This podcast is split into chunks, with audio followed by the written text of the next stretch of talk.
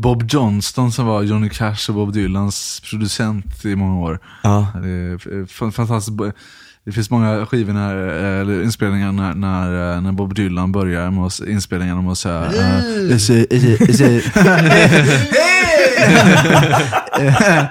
is it, is it, is it God, okay, is it, is it, is it rolling Bob? så, eh, eh, och eh, det, det är så klassiskt, till slut. alla sa det. Och antar jag, eftersom Bob Johnsons biografi heter just Is it eh, rolling Bob? Det- Skitnice alltså. Ja, det är är, nice. vi rolling? Ja, ja visst. Ja, men då Det- fortsätter Is vi it bara. rolling Bob? Yeah.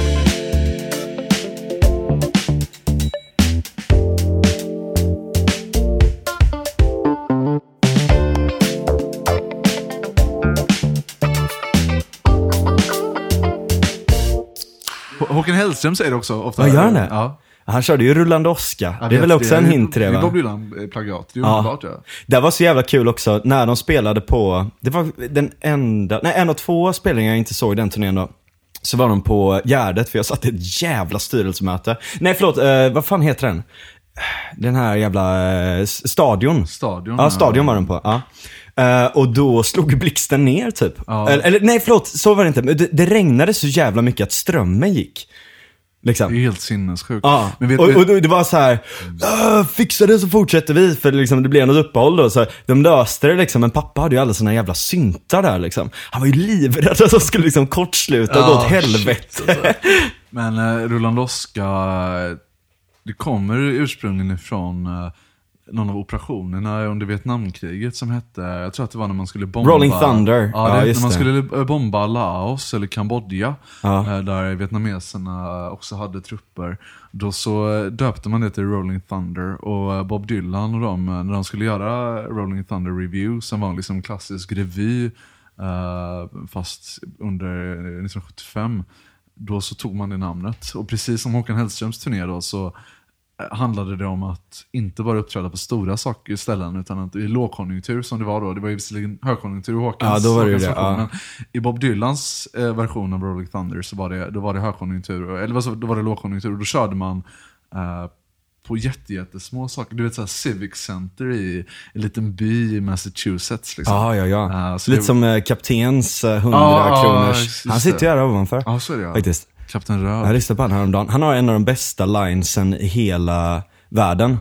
Uh, och det är så här, Ja, de betraktar kapten som en farligen. Ja, varje gång han kommer kommer kommissarien. Och de hittar på att han har brutit mot någon lag igen. Att han har skumraskaffärer med botaniken.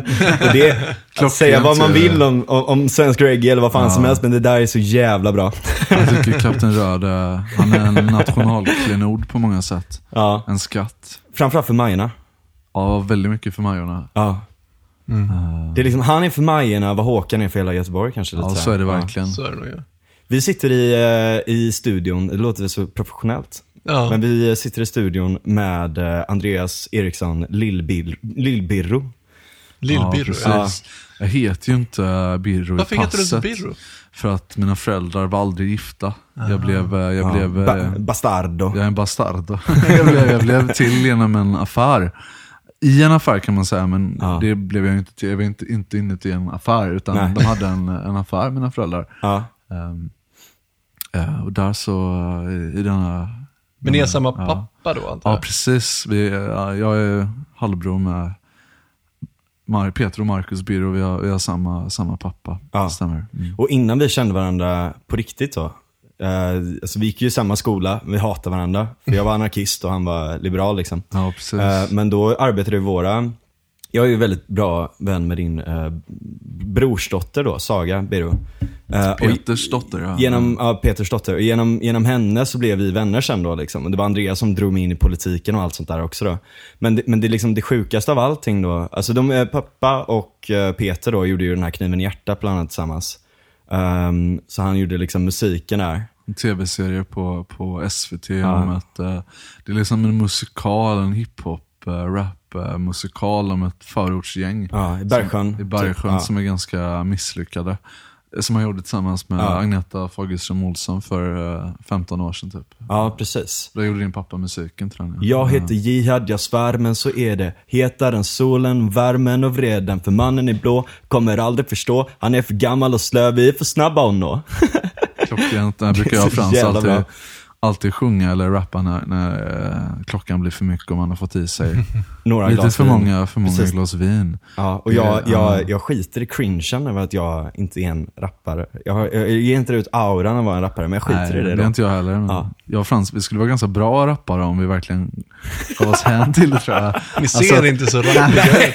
Vi skulle kunna, vi skulle kunna, vi skulle kunna överge vår karriär som, som eh, ja eller karriär, vi skulle kunna överge våra, våra, eh, våra self. Jag tänker på, det finns många, det finns många rappare idag som, som inte går under sina riktiga namn. Jag tänker på en annan uh, Majorna-ikon, Roffe Ruff. Ja. Det är ingen som riktigt vet vem han är. Eh, och, Så jävla... Jag vet vem han är. Ja. ja, ja, ja, men vi, vi gör ju det. Men- jag men att off- officiellt vet man inte vem han är. nej. Nej, just det. Just det. Ja, nej men det är, mm, ja.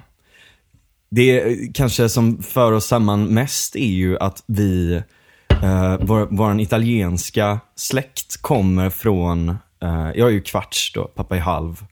Och du är halv. Eh, och eh, de kommer liksom från samma, nästan samma område i Veneto, alltså nära, ovanför Venedig och liksom, Det är en italiensk region, precis, Veneto, som är reliker av den gamla venetianska republiken ja. Och eh, som har en väldigt stark eh, identitet och ett eget minoritetsspråk och sådär. Eh, och där, eh, precis, eh, min, min pappa eh, Adriano, han är född eh, 1940 i en liten by som heter Noventa Vicentina eh, Som ligger precis söder om, eh, om, eh, om Vicenza som är en, av städerna i Veneto. Och, ja, 45 minuter, en timme Frans, tror jag. något sånt? Något sånt därifrån i Asiago är ju... Högländerna, där Högländerna. min farfar kommer ifrån. Mm, där är Otroligt vackert. otroligt. Där är uh, Finns en Frans god farfar ost som kommer därifrån Asiago-osten, ja. Ja, det får ni alla testa. Alberto heter han. Eh, inte osten, utan, utan, utan farfan. Han är från därifrån. Eh, och det är ju helt, han är också född 1940.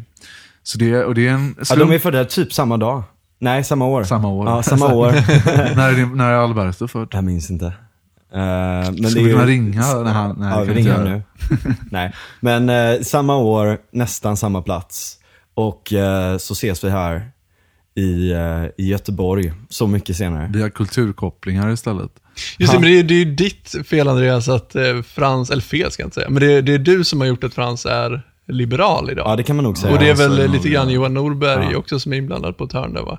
Vi Jag har förstått det Precis, som. vi satt och, och liksom, eh, ja, Drack vi, bärs på, på ett berg gjorde vi. åt mackor uppe på ett berg.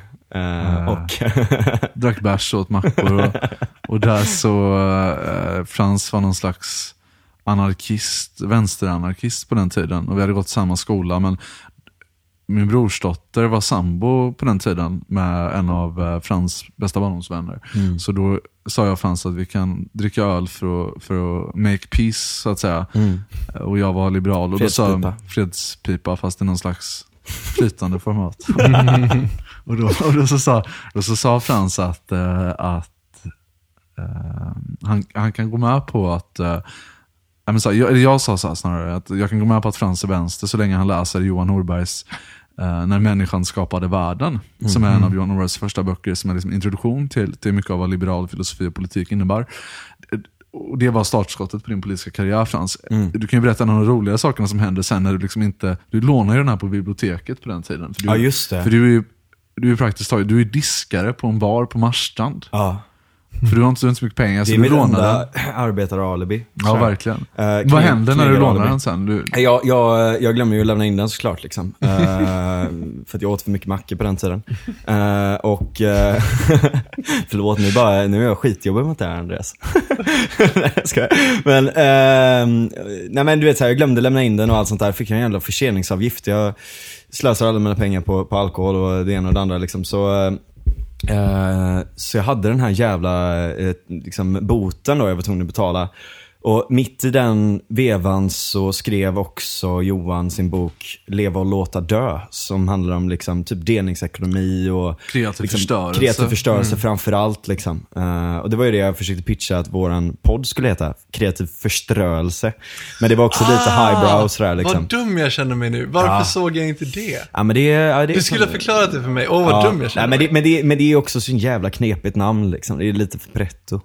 Kanske. Ja, nu, nu är det bättre. Jag måste flika in här att ja. kreativ förstörelse vore ett mycket bättre namn än det här mycket jobbigt Navid Modiri-klingande eh, resonans. Tycker du det? Ja. Ty- Ja, ja, nu är det för sent. jag, jag är rädd att bli lite som Navid. Ja, jag är också väldigt Jag vill absolut inte att den här podden ska bli som Navid. Nej. Eh, Nej. Ja, du gillar inte det. Jag tycker en del avsnitt är bra. Alltså, jag är ska inte recensera poddar, men, men eh, ja, det finns ju en poäng med Navid Modiri. Det är inte det jag säger. Jag tycker bara att du, du är inte Navid Modiri, Frans. Nej, det är inte sant, du heller. Daniel. Nej, nej, absolut Vi inte. sitter ju här i sockerbruket och tittar på eh, Älvsborgsbron ut genom, eh, ut genom fönstret.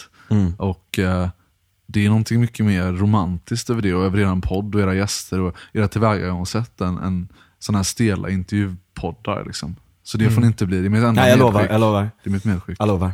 Nej, vi vill, vi vill inte så förberedda av oss på det viset. Vi, Lite mer spontan ordning. ja, exakt. Vi, och det är väl det som är själva grejen. Alltså, vi, Ja. vi ska väl säga det att vår första idé att podden skulle heta var ju spontan ordning. Just Ja. för att vi ville ha en spontan ordning.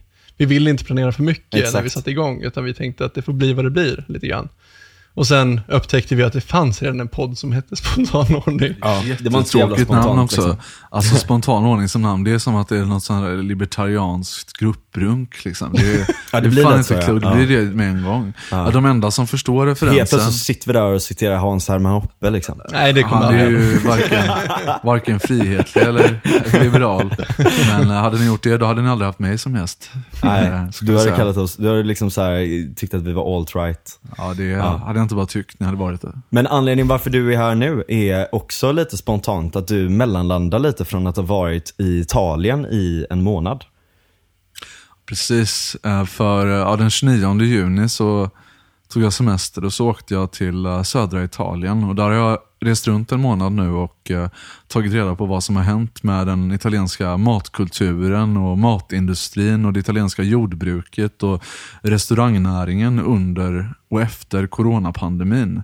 Jag skrev ju en essä för eh, tankesmedjan Timbro, deras eh, online-tidning Smedjan, för, för ett drygt halvår sedan om, om samma sak. Fast då handlade det om de utmaningar som, som, uh, som Italien och den italienska matindustrin, om man kan hänvisa, den, hänvisa till det på det sättet, ha, vilka utmaningar den hade då. Uh, och då var ju liksom inte corona så aktuellt. Men redan då så mådde den ju ganska dåligt och det var, det var ganska mycket regleringar och, och, och ja, olika politiska hinder för många producenter, Det är ju ett distributörer och sönderbyråkratiserat samhälle. Det är ett sönderbyråkratiserat samhälle, men också att maffian kontrollerar otroligt mycket. Eh, Så det var utmaningarna då och nu har jag försökt då genom att läsa mycket men också resa runt och träffa många människor och ta reda på vad är utmaningarna nu för Italien och framförallt för maten i Italien som jag brinner för otroligt mycket. Vad är det du brinner mest för med maten?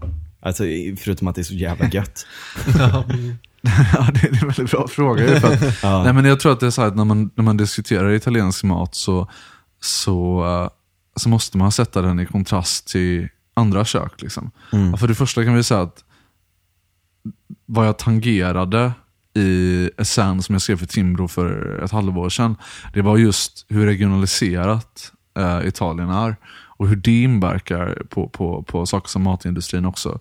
Men jag menar, talar man om det italienska köket, är det ju ännu mer regionaliserat. En italienare skulle aldrig, eller väldigt få av dem skulle i alla fall mena att det finns ett italienskt kök. Utan köket, matlagningen i Italien, i väldigt stor hög grad provinsiell och regional. Och Det skiljer sig väldigt mycket från by till by. Men vad är det jag brinner för med den italienska maten frågar du? Jo, men jag skulle säga om man kontrasterar det mot det franska köket, det amerikanska, det brittiska, det, det svenska, eh, det, Det tyska. brittiska? Om det finns något brittiskt, det kanske inte gör. Mashed peas. Mashed peas, ma- dåligt mushy peas och fried fish och så här. Ja. Men, ja, men det, det är att det är väldigt mycket enkla råvaror, det är säsongsbetonat, det, det är bra råvaror, det är enkla råvaror, det är enkel matlagning. matlagning. Det, den mat i Italien som är det intressanta, som, som jag har fastnat för, det är det som man kallar för cucina povera, alltså fattigmansmaten i Italien. Det är inte en mat som har växt fram i, liksom på fancy restauranger i Paris, utan det här är någonting som har, som har vuxit fram i fattiga människors hem och i borgarskapets hem. Inte liksom, i salongerna där, där överklassen, överklassen för, förstör sin, sin, sin tid. Liksom. Och det, är definitivt, det låter jävligt pretentiöst, men det, det är nog men det jag fastnat för. pretto, Liksom. Jo, det är det. Men, men samtidigt så finns det en sån jävla stark poäng i det där att kunna göra det goda av det lilla liksom.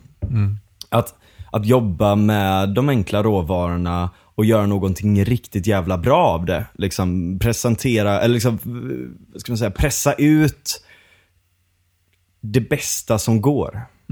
Att har man, eh, liksom, om man jämför eh, en, en, en stekt oxfilé, vem som helst kan lära sig att steka på en oxfilé och, och göra det, det är gott. Liksom. Men, men att däremot kunna ta en, ta en, en eh, dålig bit av, av kon och koka det till en, en, en, ragu, det är någonting mycket svårare som kräver mer tid och mer, mer, mer liksom, eh, Kärlek. kärlek liksom.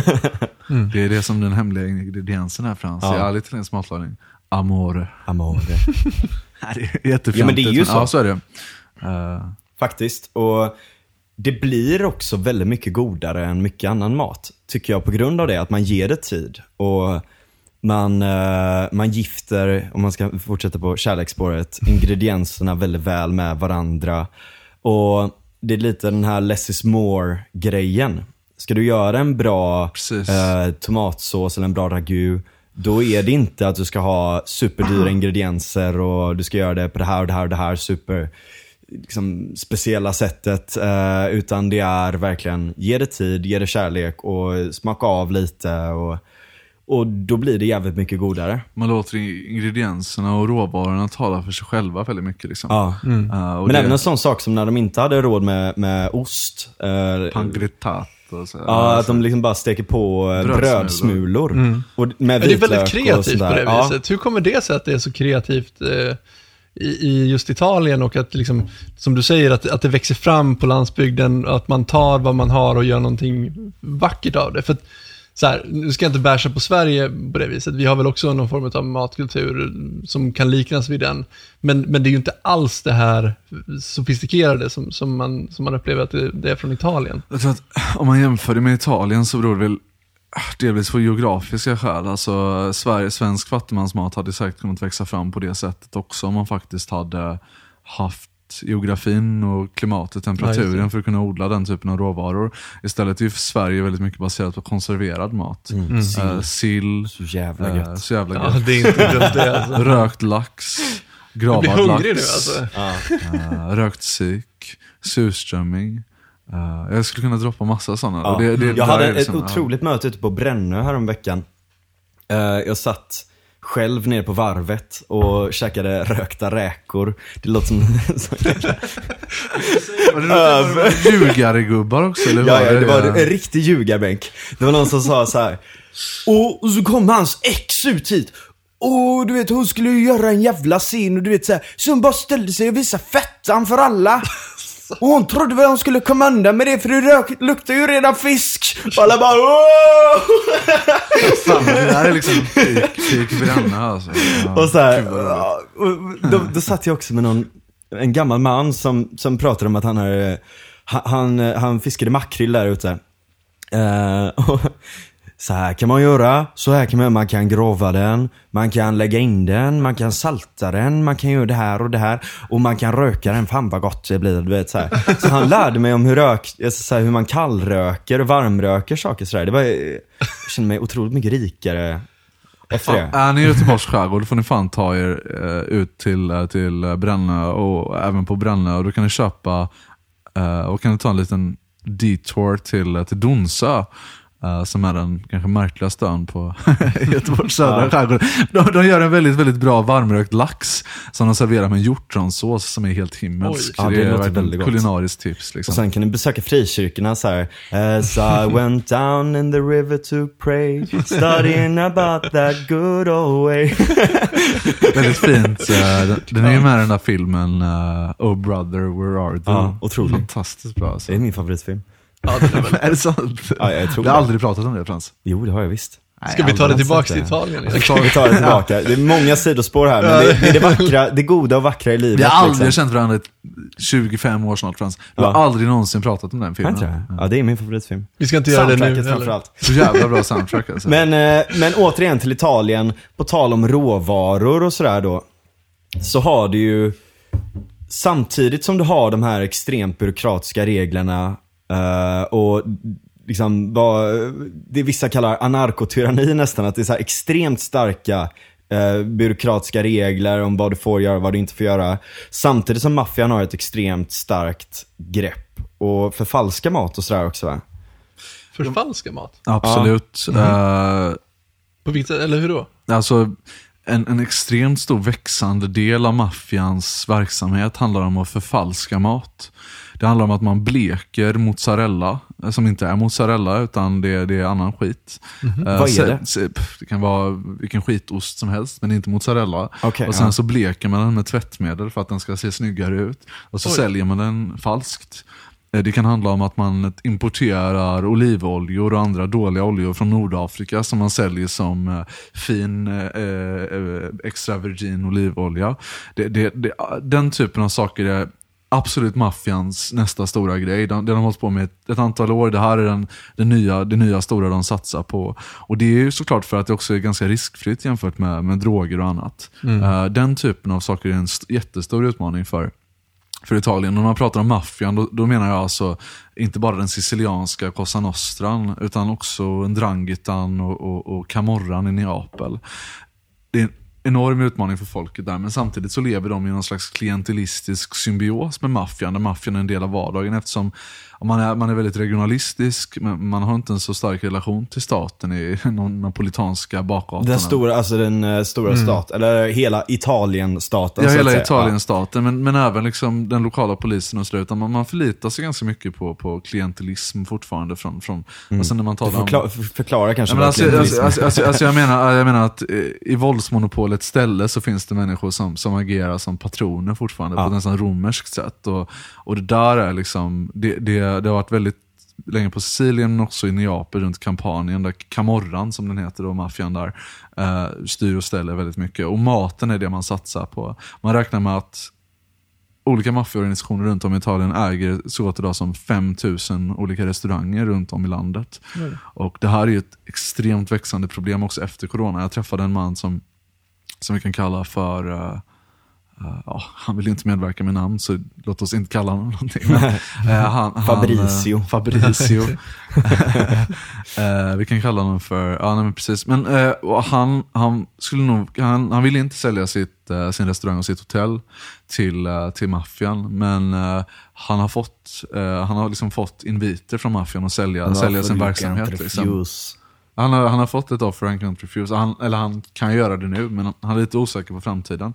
Men det är allt för många nu efter corona som, som hamnar i ekonomisk kris. Då kommer maffian som har stort, stora kapital, kan gå in och rädda verksamheter. De går in och, och erbjuder folk hjälp. Liksom. Eh, så, Men inte via liksom hot om våld, utan det är mer... Nej, det kan handla om att de, eh, att de säger att absolut, du får pengar här, du får lån. Vi, vi kan köpa din verksamhet, hjälpa dig.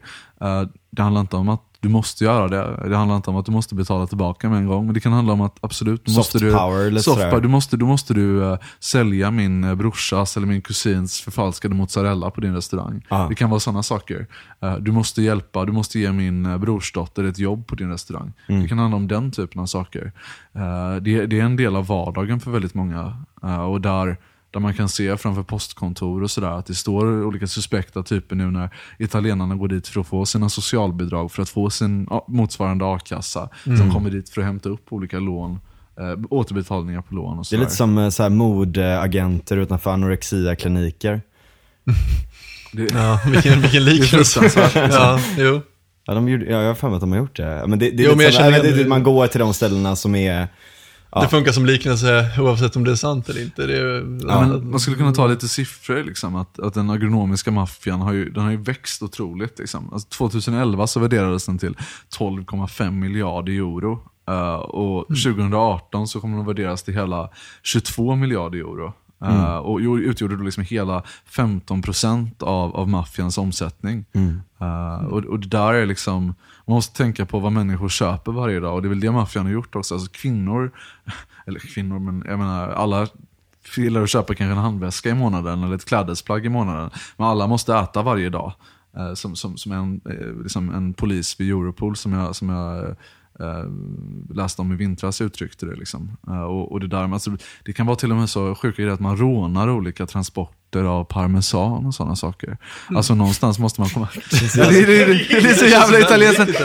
Ja, men det, här, det, här är, det här är ju liksom Italiens kanske största, alltså maten och, och, och, och turismen och det här. Det är Italiens stora, Men, det är en stor del av den italienska ekonomin. Det är klart att man angriper det. Liksom. men det låter spontant inte särskilt långsiktigt att sälja liksom en, en eh, tvättmedelsblekt mozzarella på, på en restaurang man äger. Vad, vad, alltså, för jag menar, folk kommer ju märka att det inte smakar som det ska, eller? Inte amerikanska turister. Inte amerikanska turister. De har ju sån här, Ja. deras syn om mozzarella är ju typ mozzarella sticks. Ja, men liksom, typ nej, men, alltså, och så att det står att har kanske aldrig ens smakat på, på DOP-märkt riktig buffelmozzarella, äh, mozzarella di bufala. Utan de är glada att det står en märkning på och sen så är det den förfalskade produkten. Liksom. Men jag menar, den italienska exporten av livsmedel kunde 2018 rekordvärderas till 41,8 miljarder euro. Så det här är uppenbarligen en väldigt stor del av den italienska ekonomin. Italien har 60 miljard, nej, 60, mil- drygt 60 miljoner turister varje år tror jag. Det är en siffra som jag kanske måste dubbelkolla i efterhand. Men eh, är uppe, det, det, det är det här, häradet någonstans. Liksom. Eh, och det är klart att angripa den typen av verksamheter är mycket bättre än att bara sälja knark som är riskabelt, det måste Jo. fraktas etc. Ja, precis. Utan, utan att ge sig in i den typen av verksamheter tror jag att det, det är på många sätt mycket, mycket mer långsiktigt. Liksom. Eh, Det här är så intressant för att kollar man på till exempel Veneto eh, så har du ju Alltså förr så var det ju navet av handel för hela Europa. De hade kolonier i Medelhavet och eh, alltså många öar och sådär. Eh, och, och skötte väldigt mycket av handelskedjorna från The Silk Road och eh, om det är bara på den, jag har för mig att det var runt den tiden. I alla fall liksom från Afrika, från öst. Ehm, och, och sådär. Och samtidigt då så byggde de ju upp inlandet med liksom stora kanalsystem som går, där de fraktade då råvaror och eh, saker in till Venedig och sen ut och sen saker och ting ut från handeln och så vidare då. De hade en, ex, liksom, en extremt utvecklad infrastruktur. eh, var väldigt långt fram i väldigt många saker, men sen så har det på sätt och vis stannat av lite. Absolut, norra Italien är ju den mest industrialiserade delen av, det är kanske mer Lombardien, men som är runt Milano och sådär. Men eh, Venedig, eller Veneto och så har ju varit ganska indus- industrialiserat, men i dagens läge så är det ju, när man kommer dit så, jag ska inte säga att det känns som u-land, för det är en överdrift. det, men det är mer ruralt. Ruralt än, är det än, än, Lombardiet är ju mer en, det är en storstadsregion på ett annat sätt. Och Ja. Även Piemonte med Torino och sådär. Men, Du har ju liksom stora slätter och kullar och vingårdar och, och sådär. Men det är ju baserat runt råvaruindustri. Du har ju viner som, typ mina favoriter, Ripasso och eh, Amarone-viner i Valpolicella. Och du har, eh, ja, Coliberice som är fantastiskt underskattat. ja, Otroligt massa vindistrikt. goda oster. Men sen har du ju det här, du har Verona. Ostar, sa du det? Ja. Coliberice är ett vindistrikt. Men, Nej, jag Ja, sa, nej, nej, alltså, det, det finns ostar Ja, i Veneto också. Obehagligt, jag rättade dig där på ett nästan faderligt sätt Frans. Ja. Förlåt. Nej, det är lugnt. Eh, men sen har du ju liksom Verona, för det ligger fortfarande i Veneto va? Verona ligger i Veneto. Ja, men det och så har du ju, ehm, eh, ja, du har ju Vicenza, Padova, Vicenza, där min. Padua. Eh, och framförallt Venedig då. eh, som är turistställen. Så det är ju liksom råvaror och turism som är den stora inkomstkällan nu för tiden. Ja, verkligen. När jag var i Italien nu så pratade man om att eh, alltså, i juni och juli så brukar det italienska samhället återgå från liksom, någon slags mental vinter till sommaren då det italienska samhället strålar. Det brukar de kalla för il rientro, the reentry. Liksom. Ja. Eh, och, men att i år så var det väldigt, väldigt annorlunda. Liksom. Eh, men, men jag tänker på att i, i, det där är om man tittar på de faktiska siffrorna i, i vad man också har förlorat i corona, så enligt i, i, restaurangernas branschorganisation i Italien så har 95% av alla restauranger öppnat igen. Det är ändå så pass mycket. Liksom. Eh, men de omsätter bara hälften av de vanligtvis skulle göra. Eh, och nu ser jag siffran här framför mig. Jag, jag läser inte till men jag skummar mina siffror. Eh, och 62 miljoner turister kommer årligen till Italien. Det. Eh, och turismen står för 13% av Italiens BNP. Så det är klart att det där är liksom, i kombination med inställda saker och sådär, extremt stor utmaning för Ja, Italien just verkligen. nu. Eh, och om då maffian kommer in som, som de enda som kan erbjuda kapital i en sönderbyråkratiserat samhälle, då är det klart att det blir en extrem utmaning för vanligt folk. Liksom. De Ja. flesta vill ju inte ha att göra med maffian, men de måste göra det för att, för att, de, inte, för att de inte får hjälp någon annanstans ifrån. Alltså, jag är inget eh, proffs på Italien på det viset som ni är kanske. Men, men, men är det inte lite så att det finns en skiljelinje mellan norra och södra Italien? Absolut. Att det är liksom två helt olika länder, Länder i egentligen. princip. Men, och, Du har ju olika länder sinsemellan i princip också. Men... Ja, och Italien som Ja. land är väl inte så gammalt egentligen om Nej. man ser Ja, det så. Italien är ju det är en extremt ung nation. Ja, precis. 1861. Ja, precis. Så det är 160 år gammalt. Ja, det är ju på många Vad, sätt vad en skulle du säga? Jo, eh, men jag tänkte just på den grejen när du pratade om eh, maffian. Eh, är det just liksom södra Italien där det är som värst? Eller finns det även i norra Italien? Det är södra Italien det är som värst, absolut. Mm. Eh, Men de har ju även gjort investeringar i norr givetvis. Eh, Och det, när det, är- när det gjorts avslöjanden och sådana saker om vad de investerar pengar och sådär, då, då det finns även en stor närvaro i norr givetvis. I, i, i, Veneto så, uh, ska jag ska bara kolla här i min, man ska inte säga, man ska inte säga eh, man ska inte säga fel namn och sådär. Så jag måste bara dubbelkolla mina anteckningar Ingen på, fara. på ett nästan Jag obehagligt klipper sätt. till men- det här sen. Nej, det behöver du inte göra. Det får vara rått och, bra liksom. Man kan inte förväntas veta allting. Det är som Eh. italiensk matlagning, det får vara lite så här. Man säger quanto basta tillräckligt liksom. Det här, man behöver bara kunna quanto basta kunskap.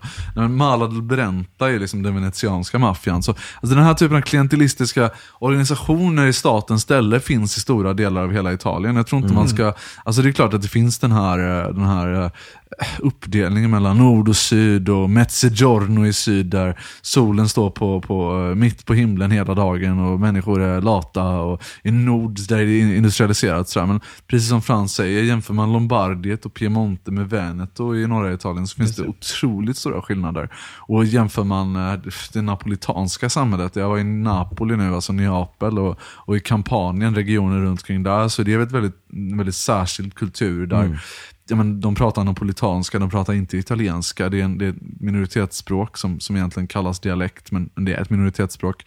Och, alltså du eh, fattar inte, om du kan italienska så förstår du inte vad de säger. Nej. Samma sak med venetianska. Vi, vi var ju, eh, min, eh, min farbror jobbar med vin då. Så vi var där för något år sedan och åkte runt på massa vingårdar. Eh, och så hamnade vi i, alltså hela den här Romeo och Julia grejen då. Eh, då pratar man ju om de här två olika slotten på landsbygden som de har då. Som stod bredvid varandra och att det var konkurrens mellan dem då. Mm. Och i, ehm, det ligger där i, i ehm, där vi var då. Så vi var i Romeos, Montecchio Maggiore heter det. just det, just det. Eh, så vi var där i Romeos slott tekniskt sett då. Ehm, i, eh, och det, det är ett jättestort fint slott och sen i under så är det ett stort eh, grottsystem. Som är alltså, dels naturliga men också utmejslat från romartiden. Och sen så använder man det också eh, senare faktiskt, eh, under andra världskriget för att gömma folk och allt möjligt sådär. Så det har en väldigt lång historia.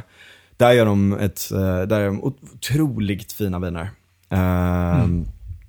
Och eh, alltså Metodo Regionale som är som eh, typ champagne fast det är inte champagne. Det är samma druvor, samma sätt man gör det fast det får inte heta champagne. Liksom. Champenoise säger man också. Just. Eh, otroligt gott. Eh, så när vi stod där nere i källaren och eh, testade allt det här så, eh, så var det två stycken, de här två andra som vi var med då, inte min farbror, som, som stod och pratade venetianska. Och till och med min farbror hängde inte med Mm. På det heller för att det är, det är i princip ett annat språk. Före, 1900, före 1950 så, så var det bara en minoritet i Italien som kunde prata riksitalienska. Det här är ju i Ja. grunden den toskanska dialekten som man har tagit och gjort till ett eget språk och sen applicerat det på hela landet. Okej. Man hade arbetsläger utanför Rom och så där man skickade venetianer för att lära sig eh, eh, italienska på, eh, under, under fascismen och sådär. Så det här Ja. är ju, språkfrågan är också en del i liksom omöjligheten i Italien som, som så- statskonstruktion. Liksom. När jag var i Italien nu så, då satt jag i en bil med två tjejer från Trentino, som är liksom, Trentino Alto Adige, som är den, den region som ligger närmast Österrike och den, den tyskspråkiga sfären. Eh, och, och de, de, de tysktalande minoritet, liksom, de, de, de har lärt sig riksitalienska i skolan, så de kan det rätt bra. Men vi satt i en bil med dem, det var jag, det var en napolitansk chaufför- som bara pratade väldigt grov napolitanska. Och Det var ett gäng venetianer som pratade väldigt grov venetianska. Inte minoritetsspråket kanske, men väldigt grov dialekt ändå. Och det var så himla intressant att vi alla satt där och pratade i praktiken olika språk. Men och typ ingen identifierar sig som italienare. Min pappa har alltid sagt att han identifierar sig som venetian mer än italienare. Napolitanerna är absolut napolitaner före italienare. De här tjejerna kände sig varken österrikiska eller italienska. De är från Trentino. Och ja, jag är halvitalienare liksom, som, som knappt kan någon italienska. Och Det var så intressant att vi alla utgör Italien som nation. Liksom. Men, men ingen identifierar sig som italienare. Liksom. Och det, det är väl eh, ja, det är väldigt tänkvärt. Liksom, bara. Ja, verkligen. För övrigt, för vinälskare, jag kom på vad det hette nu, Bella Guardia, Bella Guardia. Bella Guardia. Bella Guardia. Fantastiskt. Romeo. Ja, så en, heter en, flaskan. eh, En, en flaska där som vi drack. Otrolig. Så att om ni är vinkännare och ni är snobbar, beställ den skiten. För det var jävligt gött. Ja. Men jag tänker mer på, ja, det är fantastiskt. Det har ju fan helt rätt i. Får man göra lite reklam för dem nu? Ja, det de tycker så jag. Det behöver de verkligen alltså. Ja. Och det, nej men, alltså, någonstans när det gäller Italien också, eh, så förstår jag att folk också har svårt att lita på staten när staten och byråkratin sätter käppar i hjulen för människor hela tiden. Jag var i Bari nu på, på eh, italienska östkusten eh, i Puglia som det heter, Apulien på, på svenska. Och eh, där så har liksom, det finns gamla tanter som sitter på gatan och gör, en, gör pasta som de säljer färsk till turister och krögare och familjer och sådär. Eh, och, och, de pastan som de gör den kallas för orecchiette. Den ser ut som små öron och det är precis vad orecchiette betyder. Små öron. Smöron. Små smöron. Smöron. Smöron. Eh, små öron. Men de, de, de här små öronen.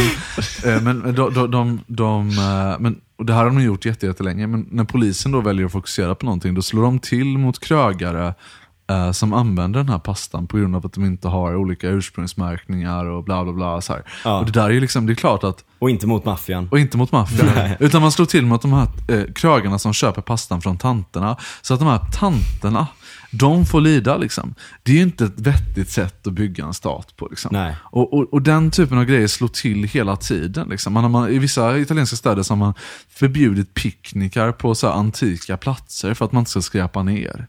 Alltså det skulle kunna hjälpa den italienska ekonomin enormt om man försöker ändå lösa det på ett respektfullt sätt. Det finns till och med olika regleringar som gör att man inte får koka ragu som luktar illa på vissa ställen. Har ni hört något så jävla dumt eller? Alltså, nej men alltså det, det, det, det, verkligheten överträffar dikten. Alltså jag skulle, aldrig kunna, jag skulle aldrig kunna komma på någonting så dumt.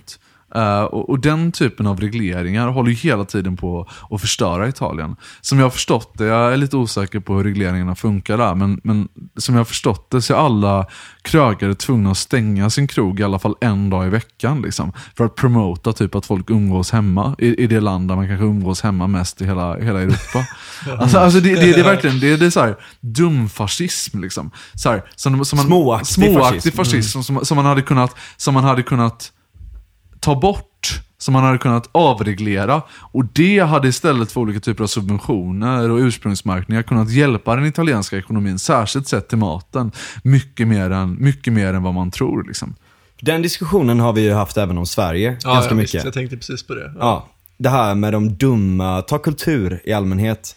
Det här att man har så jävla, man har så otroligt starka regleringar. Du får fan inte ens ta en jävla cigg på uteserveringen. Eh, och du får inte ha öppet efter det och det. Och uh, då blir det några få stora ställen som får öppet. För det är där man kan ha typ polisiär närvaro eller sivsnuten som ska gå runt och kolla vad folk luktar på. Uh, så att säga. Eh, eller du Det är vet. helt sjukt liksom såklart. Så jävla... eh, Istället för att bara, okej om det blir brott så, så går vi in så blir det den här, alltså där det väl verkligen behövs. eh, typ gängkriminaliteten som har spårat ut helt totalt. Absolut, fueled av eh, drogförsäljningen. Men istället för att se, okej hur skulle vi kunna kapa intäkterna? Vi kanske ska se över en legalisering. Då är det helt otänkbart. Eh, utan man ska satsa på saker och ting som inte funkar och ska man ha en jävla fascism hela tiden runt om det. Att man ska gå runt och kolla folk i ögonen.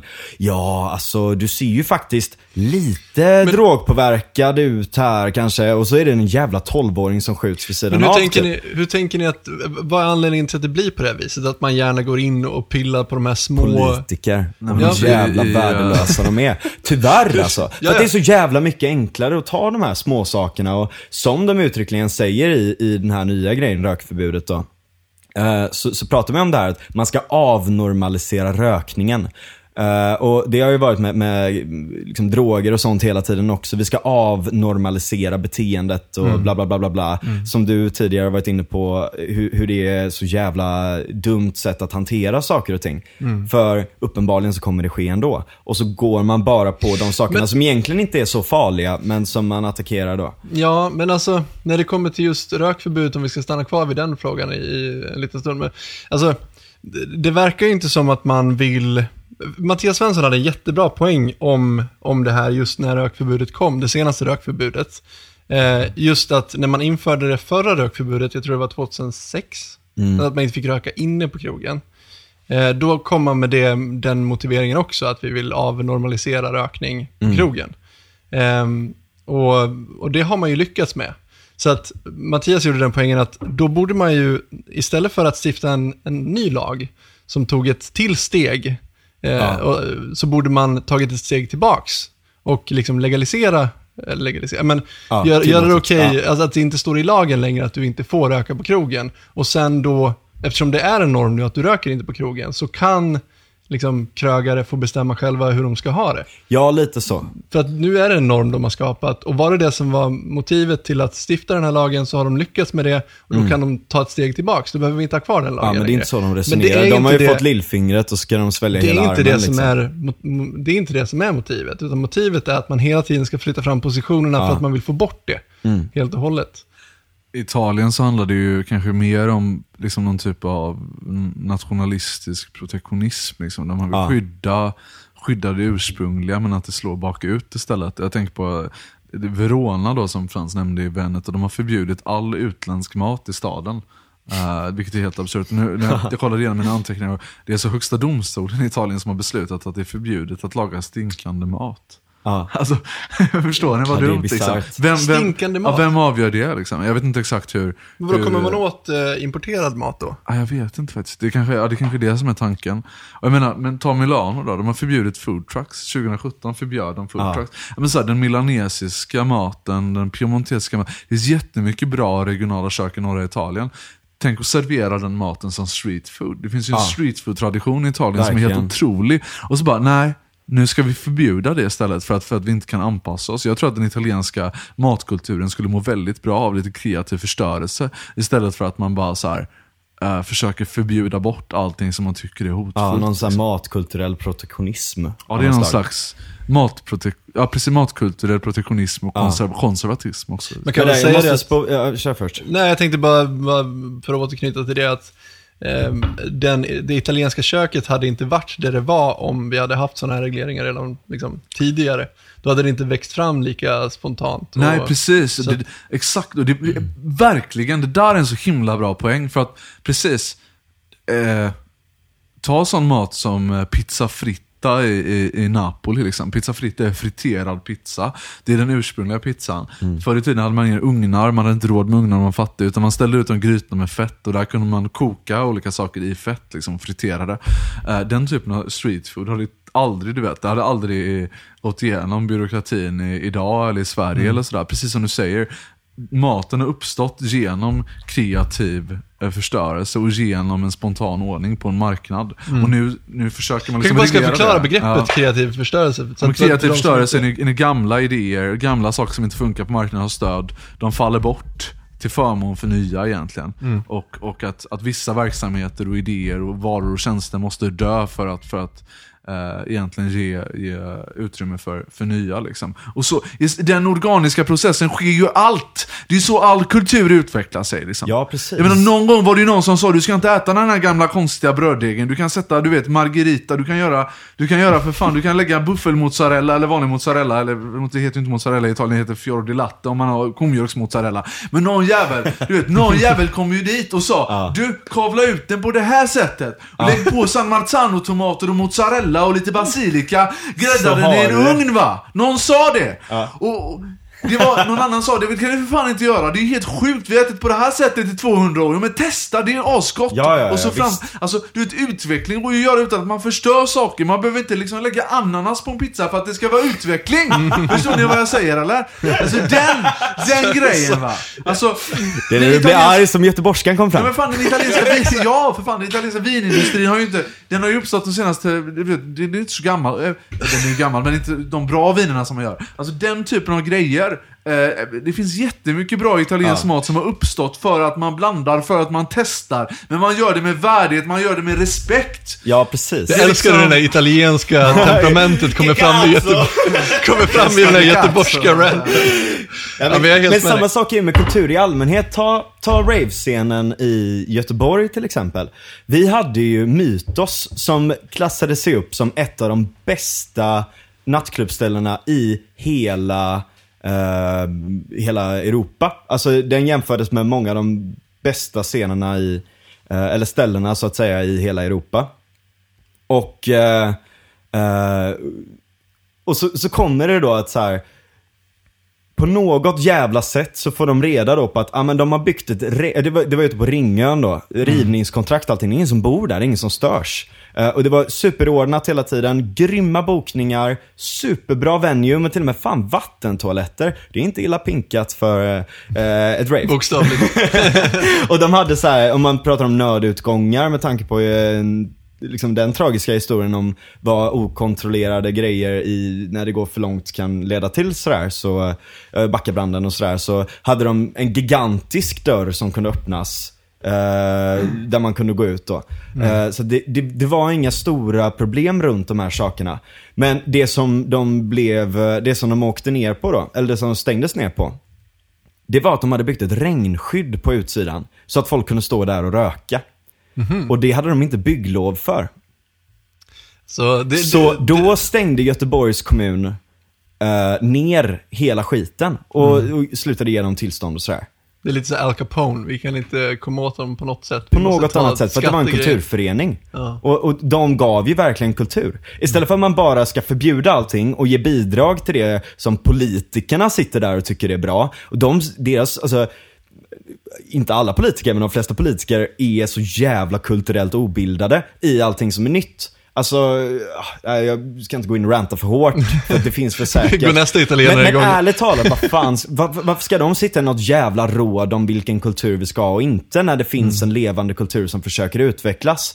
Ehm, men sen, alltså samtidigt, vi har ju fortfarande en, eh, en ravekultur som lever och frodas. Jag var ju, nu hade jag ju en, en jävligt, ehm, eh, en jävligt intressant, ehm, jävligt intressant speciell kväll, så att säga.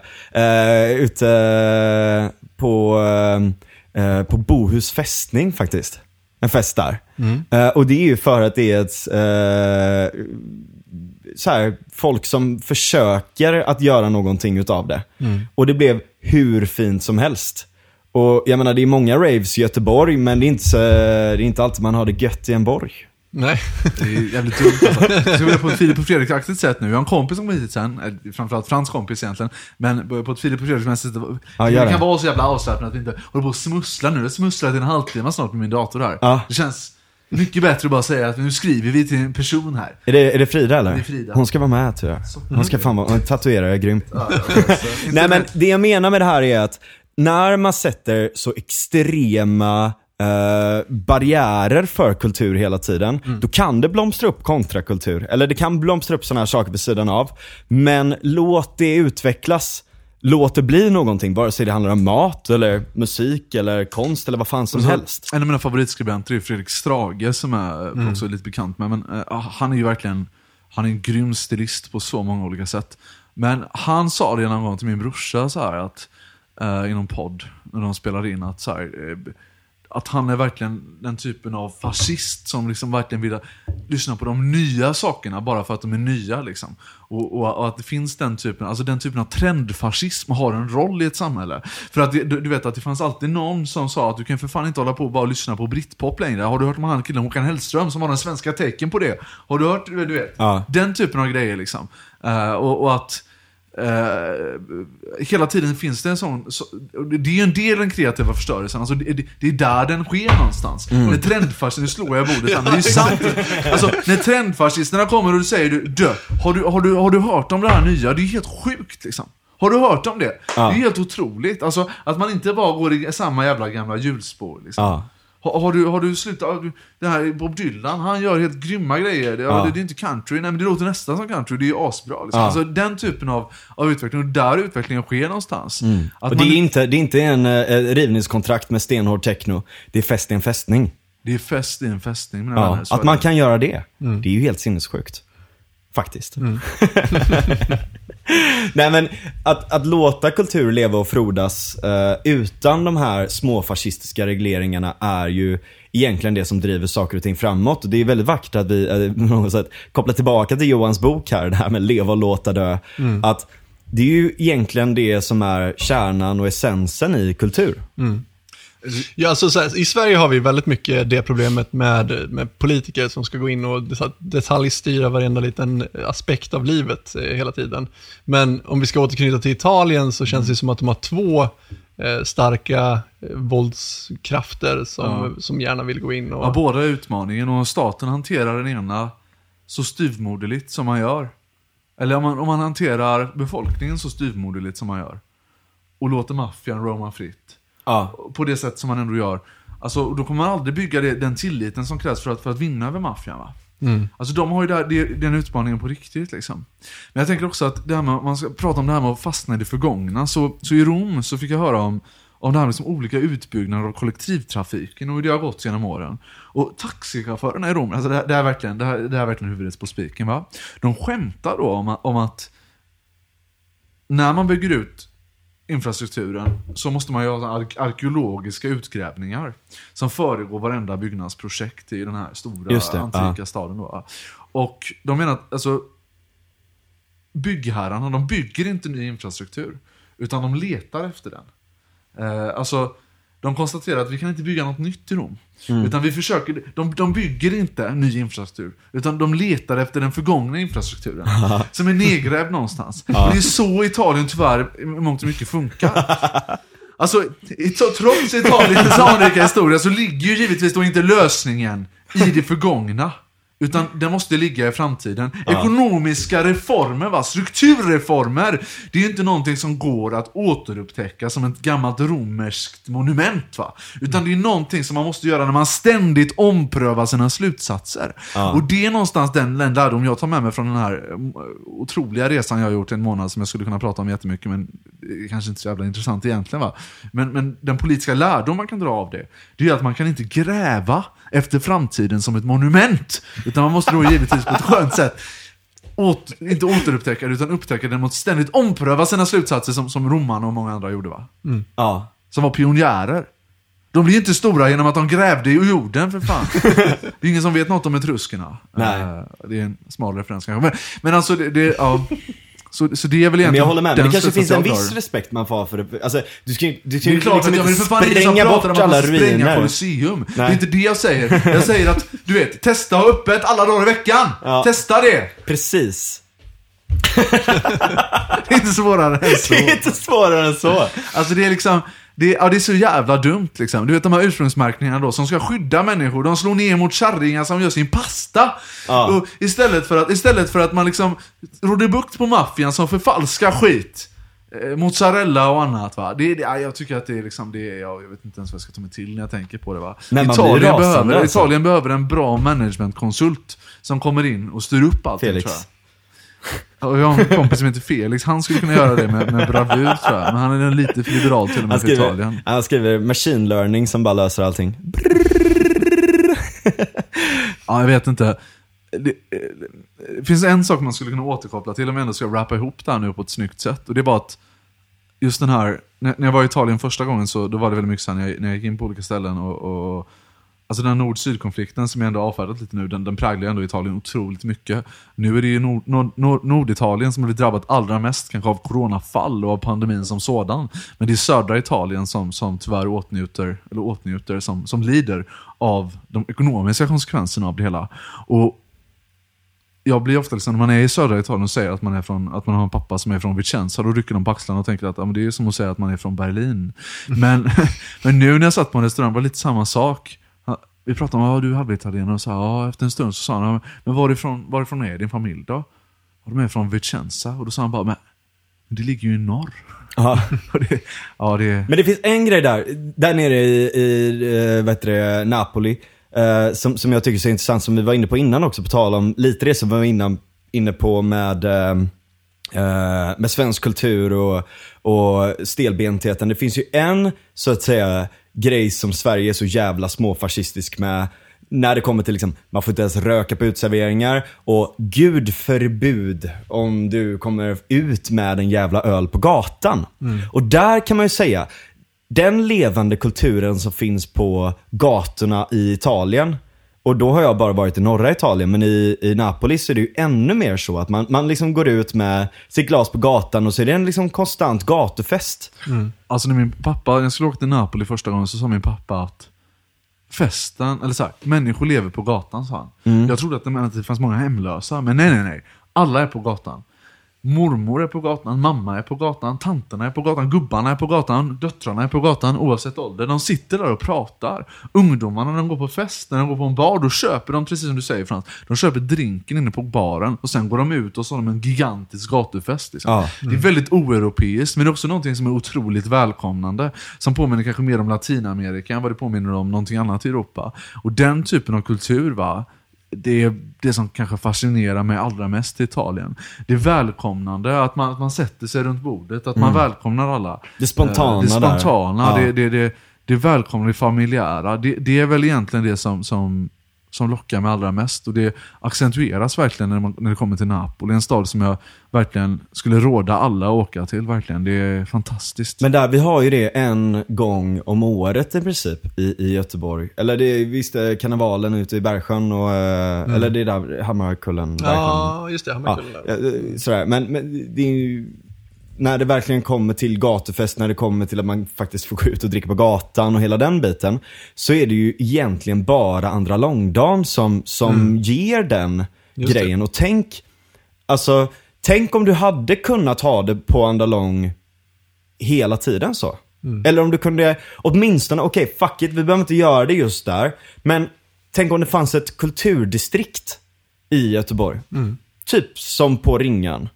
Där man får ha öppet hur länge man vill. Där man får gå ut och dricka på gatan. Där man får sitta, och du behöver inte ens vara, det är det här som är grejen också att i Sverige så är det så jävla allt eller inget. Antingen så sitter man inne på en bar och så super man sig skitfull, eller så går man till en klubb och köper massa shots och la la la. Eller så går du på ett rave, och ravesen är ofta så jävla stenhårda också. Det är väldigt mycket sån kultur av att maxa liksom. Typ droger, eh, dricka, lustgas, stenhård musik och allt sånt. Men att kunna ha en, en, en flödande kultur som inte är tidsbestämt till klockan tre och sen är alla, alla känner sig lite så här, eller två, tre och så känner alla så här, "Ah, fan nu skulle vi sitta kvar lite till och bara snacka lite till, fyra, fem, du vet, något sådär. Ta en bärs, På- ta en bärs på ett så här chill, så- ja, på, ja det kan man göra på Jackie å andra sidan på övervåningen där. Men ändå att man har sådana ställen som är ganska lugna men som ändå fortsätter att vara öppet och det är god stämning och hela den biten. Att säga att man har ett jävla kulturdistrikt då, om det ska vara så jävla svårt att driva igenom det. Man är så jävla rädd för att det skulle vara över hela stan för då skulle alla bli degenerates typ. Men ta ett litet område då. Som ändå är rivningskåkar och Du vill starta ett industrilokaler. Christiania. Ja, skeptisk typ, ett jävla särlag- Christian- särlagstiftning alltså. Ja, du är det. Ja, för att, för att det, det, det, är bättre att få folkligt stöd för det här och genomdriva Jo det på okej, nationell men vad fan, om liksom. man är lite pragmatisk i alla fall. Säg att man hade ett sånt område, eller en sån gata där man kunde vara ute. Ta, ta det ett jävla inhägnat område då, men att du kan vara ute på gatan, dricka lite, det är god stämning och det är lite friare. Handlar det, om, hade det varit så jävla gött att ha. Är det inte så Frans att du rom- romantiserar sådana områden dock? Du tror att du kan skapa dem artificiellt ovanifrån?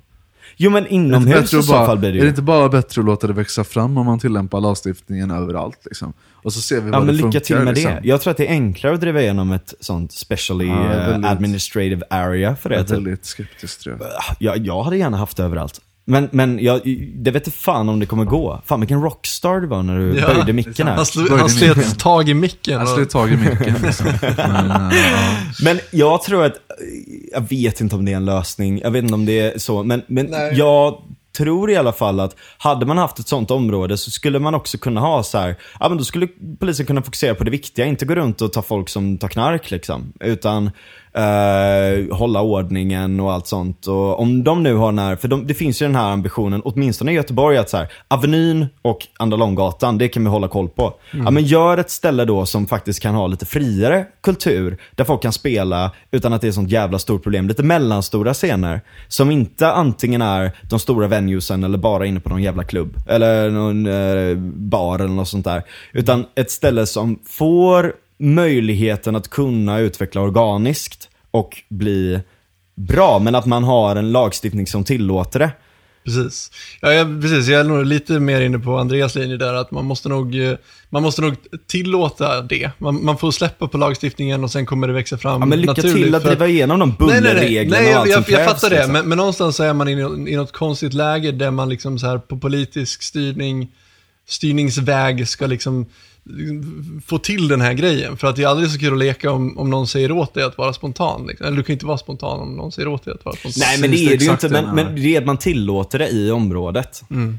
Och det, är- okej, ja, det är väl mina teknokratiska drag som dras Ja, men- exakt. Men Du det det är just teknokratiskt, det är liksom den det just- totala motsatsen liksom. Teknokra- nej, nej, nej. Teknokratiskt styrt kaos. Fast, fast det är ju så, det är ju så mycket teknokratiska grejer. Eller jag menar att, ja, det finns ju allt möjligt som funkar på det sättet. Jag, jag tror, precis som du säger Daniel, att det, det är svårt att säga att precis, här ska du vara spontan, exakt här. För det har vi planerat. Var spontan! Var Ja men spontan! var, var det här då? Du kan ju vara det här! Nej, men alltså, någon Göteborgsbyråkrat som säger det, jag, jag tror att det är väldigt, väldigt svårt. Alltså de bästa av de här typen av områden har ju verkligen varit underground på riktigt och vuxit fram i liksom, gamla övergivna industriområden. Liksom, Istället för att man säger att här kan du vara.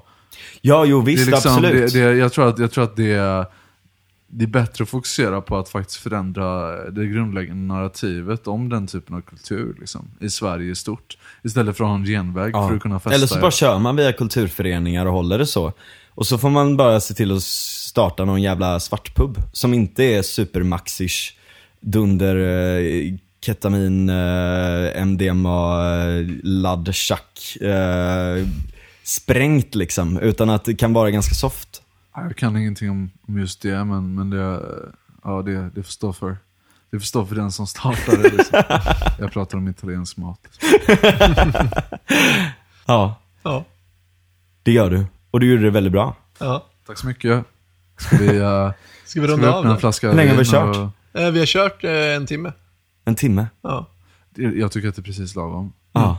För nu tänkte jag öppna en flaska vin. ja, men gör det. Och eh, snart kommer Frida hit som är en uh, grym tatuerare. ja. Kanske vi inte ska outa Frida henne. Jagebro. Jag vet inte, vi kan kolla med henne sen om det är lugnt. Annars klipper vi bort Annars där. klipper vi bort det här på ett Eh, sätt. Frida Jagebro, kolla in hennes Instagram. Hon är grym gaddare här i stan.